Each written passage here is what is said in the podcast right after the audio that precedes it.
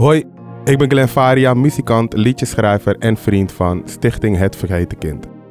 Welkom bij de podcast Mijn leven is geen leuk kinderboek.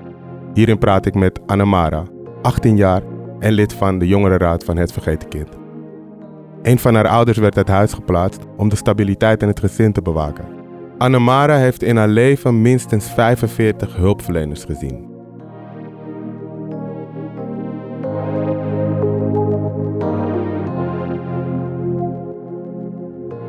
Annemara, vertel eens iets over jezelf. Ik ben Annemara, ik ben 18 jaar oud. Ehm, ik heb net mijn HAVO afgerond en ik wil volgend jaar een studie gaan doen.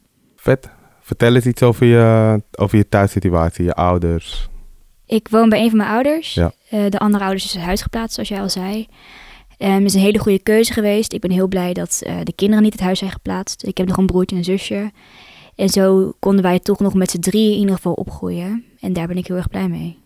Zijn jullie eh, in veel gezinnen met z'n drieën geweest? In veel situaties met z'n drieën geweest? Nee, we zijn altijd bij onze, een van onze ouders geweest. En eh, dat is wel heel fijn. Eigenlijk tot, nou, ja, tot mijn tiende ging het eigenlijk allemaal prima bij ons thuis. Ja. En na mijn tiende ging het eigenlijk een beetje bergafwaarts. Op een gegeven moment ging, liep het zo uit de hand dat hulpverlening zei van we gaan eh, een van je ouders uit huis plaatsen, zodat jullie bij een van je ouders kan blijven. En tot op de dag van vandaag is dat nog steeds onze situatie. Als ik de vraag stel door wie ben je opgevoed? Dat is net iets anders dan bij wie je hebt gewoond. Hmm. Praktisch gezien ehm, ben ik door beide wel opgevoed. De laatste jaren sowieso mijn vader. Daar woon ik nu ook bij. Maar ik denk tot mijn tiende dat ze gewoon allebei wel hebben geprobeerd op te voeden. Wat voor rol hebben hulpver- hulpverleners hier eh, in gespeeld? Ja, ehm, ze, ze probeerden natuurlijk wel wat te doen. Maar hulpverlening heeft eigenlijk ehm, naast het huisplaatsen van een van mijn ouders eigenlijk niks gedaan. Ze probeerden wel, denk ik, hun werk te doen. Maar ik heb er zoveel gezien dat ik niet eens meer weet wat ze gingen doen. Wat was de bedoeling volgens, volgens hun? De oude-kindrelatie verbeteren tussen alle kinderen en alle ouders. Maar als je dat, daar heb je in twee weken tijd niet voldoende tijd voor. Nee. En als je na twee weken weggaat, dan heb je eigenlijk nog steeds niets bereikt. En dat is wel heel lastig, want op een gegeven moment zitten we nu op 45 en er zijn er nu vijf langer dan twee maanden gebleven. En dat is eigenlijk eh, voor zo'n heftig aspect eigenlijk gewoon onzin. Heb je het idee dat, dat een van de hulpverleners eh, jullie kende? Sommigen wel. We hadden een sociaal makelaar, die was echt overkoepelend. En die had heel goed door hoe de vork in de steel zat. Want die heeft ook echt wel geprobeerd de juiste hulpverlening te vinden. En we hebben nu een, een eh, ambulant begeleider voor mijn broertje en zusje. En die eh, pakt zoveel op dat ik echt denk, wauw, die snapt echt wat wij nodig hebben. Wat is dat? Een ambulant begeleider? Nou, ze zorgt ervoor dat ehm, mijn broertje en zusje zich veilig voelen in de situatie waar ze nu zitten. En daarbij, ehm, omdat ze gewoon wat problemen hebben opgelopen, omdat ze heel veel wisseling hebben gezien, probeert zij mijn broertje en zusje gewoon wat gerust te stellen. En ook eh, mijn vader te helpen met opvoeding en zo. Maar ook simpelweg een praatpaal. Als, je, als ik ergens iets mee zit, kan ik tegen haar ook eventjes praten. En dat is gewoon heel fijn. je had het net over problemen die je broertje en zusje zijn opgelopen. Wat voor problemen moet ik dan bij eh, moet ik dan van nadenken? Ja, onze situatie was gewoon niet stabiel thuis. Daar hebben ze al gewoon, dan verliezen ze al vertrouwen in sommige mensen. Dan is er hulpverlening vaak om te zorgen dat het vertrouwen hersteld wordt. Ja. Maar als zelfs hulpverlening wisselt, dan hebben ze daar ook geen vertrouwen meer in. Dus ze moeten echt leren om weer vertrouwen te hebben in volwassenen. En dat is, dat zie ik bij hun, dat zie ik bij mezelf. Maar ook bij alle jongeren die ik spreek, die ook met hulpverlening te maken hebben gehad. ja. En als je dus om de zoveel, zoveel keer eh, moet wisselen van hulpverlener, bouw je dus nooit een band op met, met iemand. Nee, bijna niet, nee. Merk je dat in gedrag? Van eh, bijvoorbeeld je broertje of je zusje? Zeker. Het is, ehm, je, bij het is wel heel mooi. Ze zijn allebei hebben hele andere karakters. Eentje is juist heel erg afstandelijk geworden. En die ehm, meer ook agressief. Ah, En de ander gaat juist heel erg claimen. En heel erg juist proberen eh, bij zich te houden. En dat eh, is allebei niet goed natuurlijk. Ja. Want dat, je zou het gewoon nou, normaal willen zien eigenlijk de zaakjes. Maar ehm, dat zijn best wel grote effecten die ze zeg maar gecreëerd hebben. De hulpverlening dan. En dat merk je dus ook op eh, school en, eh, en met vrienden en thuis. Ja, dat merk ik ook als ze inderdaad eh speelkameraadjes mee naar huis nemen.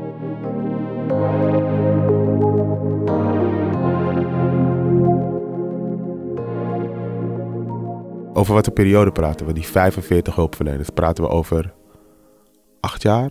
Nee, we praten dan over drie jaar. Drie jaar? Ja, 45 hulpverleners Ja. in drie jaar? ja. En het is zelfs, eh, je hoort, ik hoor ook wat getallen van 150 hulpverleners, maar dat is dan weer verspreid over 16 jaar. En ik zeg dat ja, 45 en counting. Want ik begon met de campagne met 37 hulpverleners. En eh, een aantal maanden verder zit ik alweer op 45. Maar 45 hulpverleners in drie jaar, dan heb je het gewoon over bushaltegesprekken die je af en toe met mensen Ja. hebt. Sommige heb ik ook maar één gesprek gezien en toen was het doei. Dat meen je niet. Helaas meen ik dat wel, ja. Ah, Het is soms echt ook, we hadden dan af en toe dan een crisissituatie, noemen wij dat dan. En dan kwam er crisishulp. En die moet dan per direct handelen om eh, het weer stabiel te maken. Maar die kwamen dan bijvoorbeeld op maandag, gingen op dinsdag op vakantie. En dan kwam er dinsdag een nieuwe. Die nam dan iemand mee. En dan ging die ook weer weg. En op een gegeven moment hebben we in één week tijd er ongeveer acht gezien. En dat in dan in een crisissituatie. Dat je denkt van, wat? Hallo?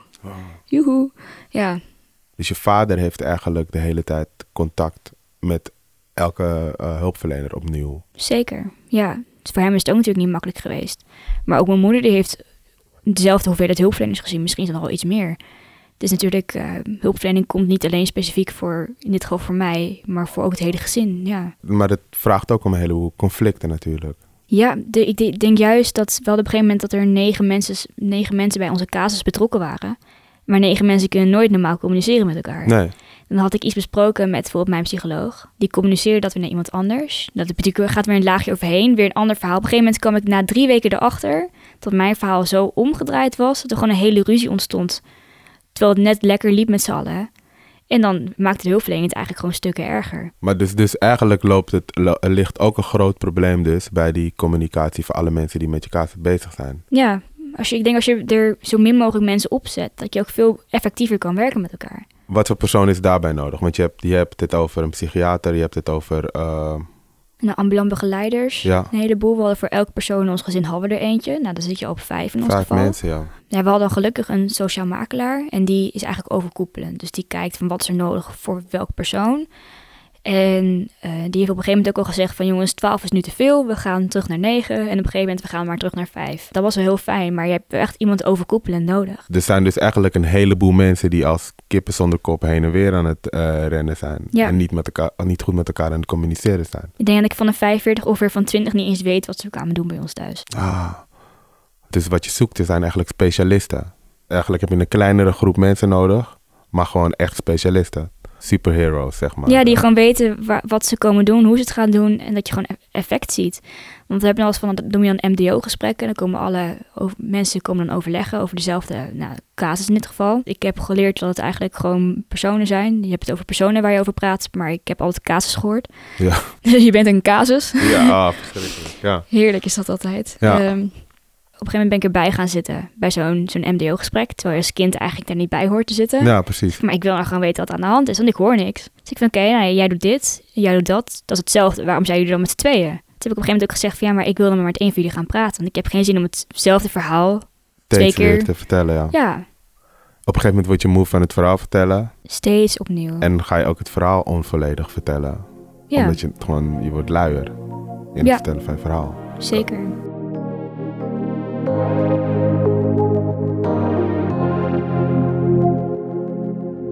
Hoe jij het nu uitlegt aan mij, is het een heel duidelijk probleem. Ja, eigenlijk wel.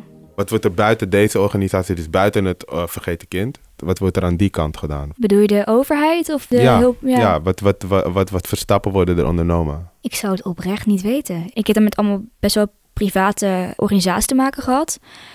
Die namen gewoon het hef in eigen handen. Ook een aantal keer dat inderdaad het budget op was en dat een hulpverlener moest stoppen. En ik denk dat daar inderdaad iets aan gedaan kan worden. Ja, Maar verder zou ik niet eens weten hoe het kon dat ze bijna doorverwisselen. Ik denk voornamelijk werkdruk en geld.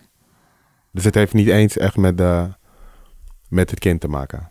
Nee, dat ga je wel op een gegeven moment denken. Van waarom ben ik raar dat ik in één keer 45 hulpverleners heb gehad? Van wat is, wat is er nou mis met mij? Ja, dat is, dat, is, wat- dat is wat ik ook zou denken. Als iemand de hele tijd weggaat, als er steeds iemand weggaat, ga je als een kind dat denken natuurlijk. Ja, En en je wordt natuurlijk ook veel voorzichtiger met eh, je hart eh, geven, zeg maar. ja. Omdat als je die, die geeft, kan die persoon binnen vijf dagen weer weg zijn, zeg maar. Of dezelfde dag.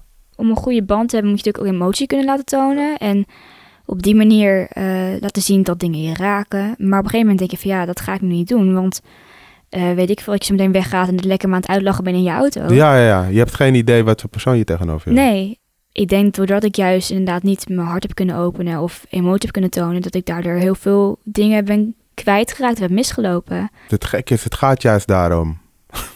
dus dat is het rare. Het wordt juist ingezet voor dat, toch? Om je weer mensen te laten voelen af en toe. Maar Ja. juist doordat je al die hulpverleners ziet, voel je eigenlijk meer ja, een, een vark in de slachterij. Ja, omdat je een casus wordt genoemd. Net als een of andere film. Wanneer de film eindigt, dat weet je niet. Dus het is of het nou een trilogie is of een serie. Dat, ja, ja, eh, ja, precies. Het blijft, het, blijft gewoon, het blijft gewoon doorgaan. ja. Herinner je ze allemaal? Ehm, de meeste wel. Maar er zijn ook een stuk of tien dat ik alleen nog een gezicht weet of alleen een naam weet. Maar niet meer een beeld heb. Zou jij nu kunnen zeggen, eh, oké, door die persoon wil, wil ik geholpen worden? Als je de 45 Ja. langs gaat. Nou, we hebben dus nu dan de ambulan- ambulant begeleider van mijn broer en zusje. Daar ben ik heel blij mee. Die is ook de- degene die langs bij ons gebleven is. Hoe lang? Volgens mij zit het nou op anderhalf, bijna twee jaar. En dat is ook heel fijn. Ik voel me bij haar ook gewoon mens. En ik kan ook gewoon... Ze komt bij ons thuis. En ehm, als ik in mijn pyjama nog zit, mag dat. Dat is gewoon heel fijn. Dat ik gewoon niet... Die hulpverleners zijn natuurlijk ook allemaal bij mij thuis geweest. Want ik woon natuurlijk gewoon nog thuis. Ja. Dus 45 mensen zijn over onze drempel heen gekomen. Ja, man. In je territorium Ja. eigenlijk. Dus met haar ben ik heel erg blij. Nou, maar het is, wat je zegt is heel belangrijk. Je, je, je, je, je kan gewoon in je pyjama zitten en die persoon mag naar binnen. Maar het zijn dat soort kleine dingen waardoor je pas hulp kan gaan, echt gaan aannemen van iemand. Dat kan je nooit binnen een week eh, meteen. Ja, of, of iemand moet direct he- heel erg klikken, maar wanneer kom je dat tegen? Nou, bijna niet. En, en wat je zegt is dat het echt pas nu na, na, eh, na, na een jaar of zo, of na een anderhalf jaar, begint dat pas, dat gevoel. Ja, en dan nu bij, bij haar dan. En eh, gelukkig ging met haar wel vrij direct ook wel heel goed. Want ik merkte, ze is ook zelf ervaringsdeskundige. Ze heeft ook heel veel zelf meegemaakt. En daardoor krijg je al een andere band. Ze weet hoe jij je voelt. En ze weet ook van, ja, als je geen zin hebt om te praten, is het ook oké. Dan gaan we gewoon even een kopje koffie drinken. Ja, precies. Gaan we lekker praten over, over school, is het ook goed. En dat, is, dat eh, heeft heel erg geholpen ook. Op een gegeven moment durf je dan ook open te stellen van... oké, ja, nee, het is inderdaad allemaal eventjes shit. Maar dan is het oké.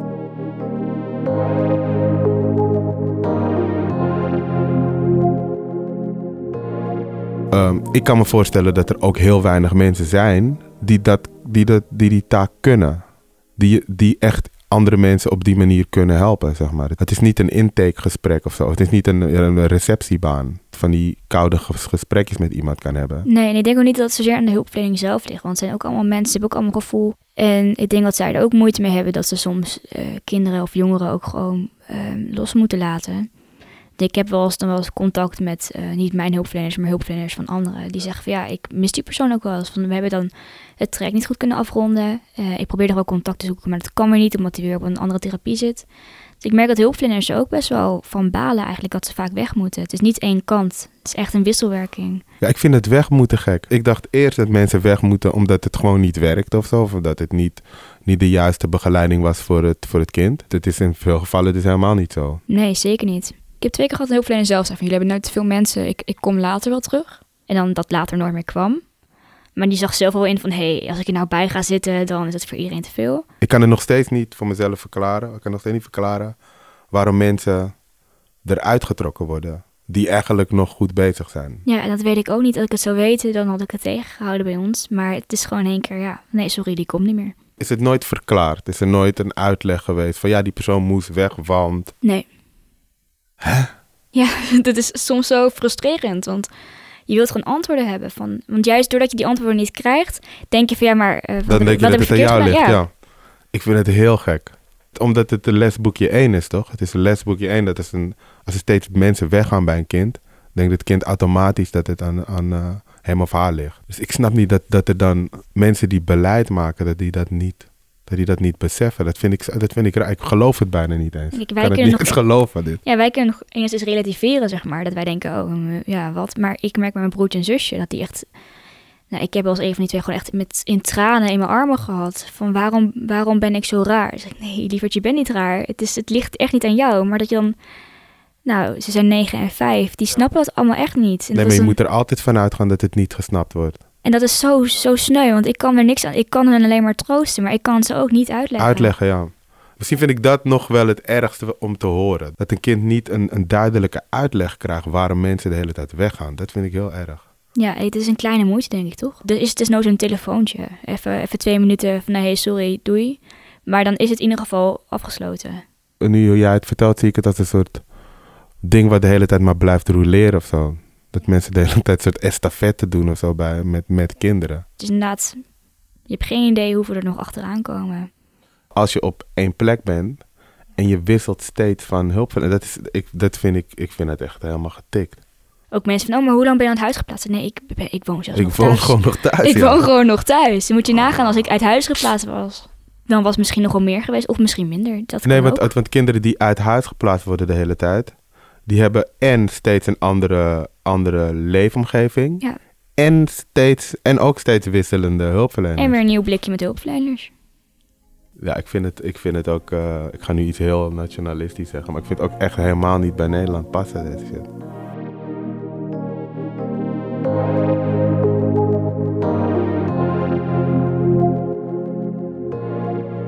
Als je in vier zinnen of zo, vijf zinnen, weet ik veel, eh, mensen tot actie over laten komen, wat zou je dan, wat zou je dan zeggen? Nee, ik zou tegen de organisaties willen zeggen die het wel zeg maar, de invloed hebben.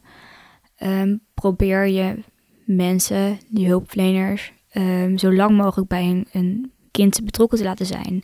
En ook al moet je afscheid nemen om wat voor reden ook, zorg ervoor dat je een nazorgtraject hebt. Dat je altijd nog met de kinderen kan bellen of sms'en, zodat je altijd nog eventjes na contact hebt. Dat het langzaam kan uitveden en dat je niet in één keer bam, doei, tot nooit meer ziens. Ik denk dat dat eh, de hoofdzaak wel is. Want juist in één keer patspoen weg is best wel heftig. de, de periode dus, dus als kind tot volwassenen, dat is terrible natuurlijk. Dus ik denk dat dat ook onderschat wordt. Wat voor volwassenen dan in de maatschappij terechtkomen. Ja. Dat zijn dus mensen die zich niet kunnen binden aan, aan een persoon. Of, of, of, of bang zijn om iemand liefde te geven. Ja, Of bang zijn voor liefde überhaupt. ja ik, ik merkte, ik ben nu net sinds maart 18.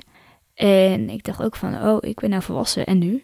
Ik vind het soms wel moeilijk om inderdaad liefde te accepteren. Ik krijg het voldoende nu. Maar ehm, om het te accepteren en binnen te laten is natuurlijk best wel moeilijk. Maar hoe ga ik dan inderdaad dat verder ook weer liefde uitstrooien eigenlijk? Ik ben dan veel opgegroeid met veel kinderen uit, uit, uit zo'n situatie. Wat ik dus merk is dat je wordt verkeerd eh, geïnterpreteerd. Mensen kijken alleen maar naar het eh, resultaat. Dus die kijken naar, ja, die jongen is vervelend. Of die jongen is agressief. Of die jongen is, eh, niet, niet, is onhandelbaar in de klas. Of heeft geen respect voor ouderen. Terwijl als, als, als zulke jongens zo'n verhaal hebben als, als jij, of als je broertje of je zusje, of, wat, of eh, andere kinderen bij het vergeten kind, is, het, is dit gedrag ook logischer, zeg Ja. maar. Maar eh, niet iedereen kan zo praten als je, dat jij dat doet. Het is een super duidelijk probleem wat je vertelt, maar het is ook nog best wel verstopt. Ik ben eh, in de 40, nou, nog niet, maar ik ben bijna 40.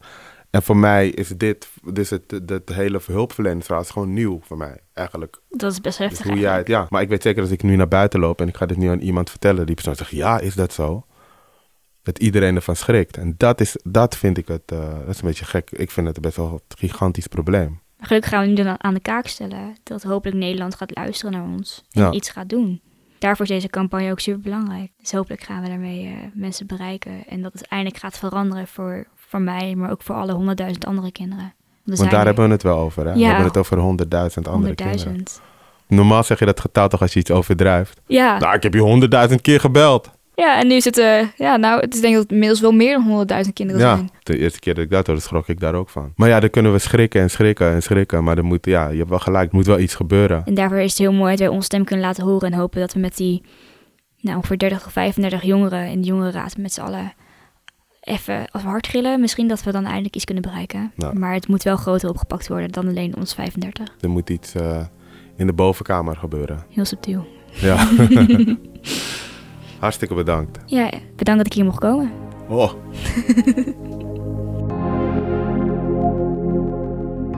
Bedankt voor het luisteren naar Mijn leven is geen leuk kinderboek. Ben je geraakt door ons gesprek en vind je ook dat het steeds wisselen van hulpverleners in de jeugdzorg moet stoppen? Ga dan naar hetvergetenkind.nl en teken de petitie.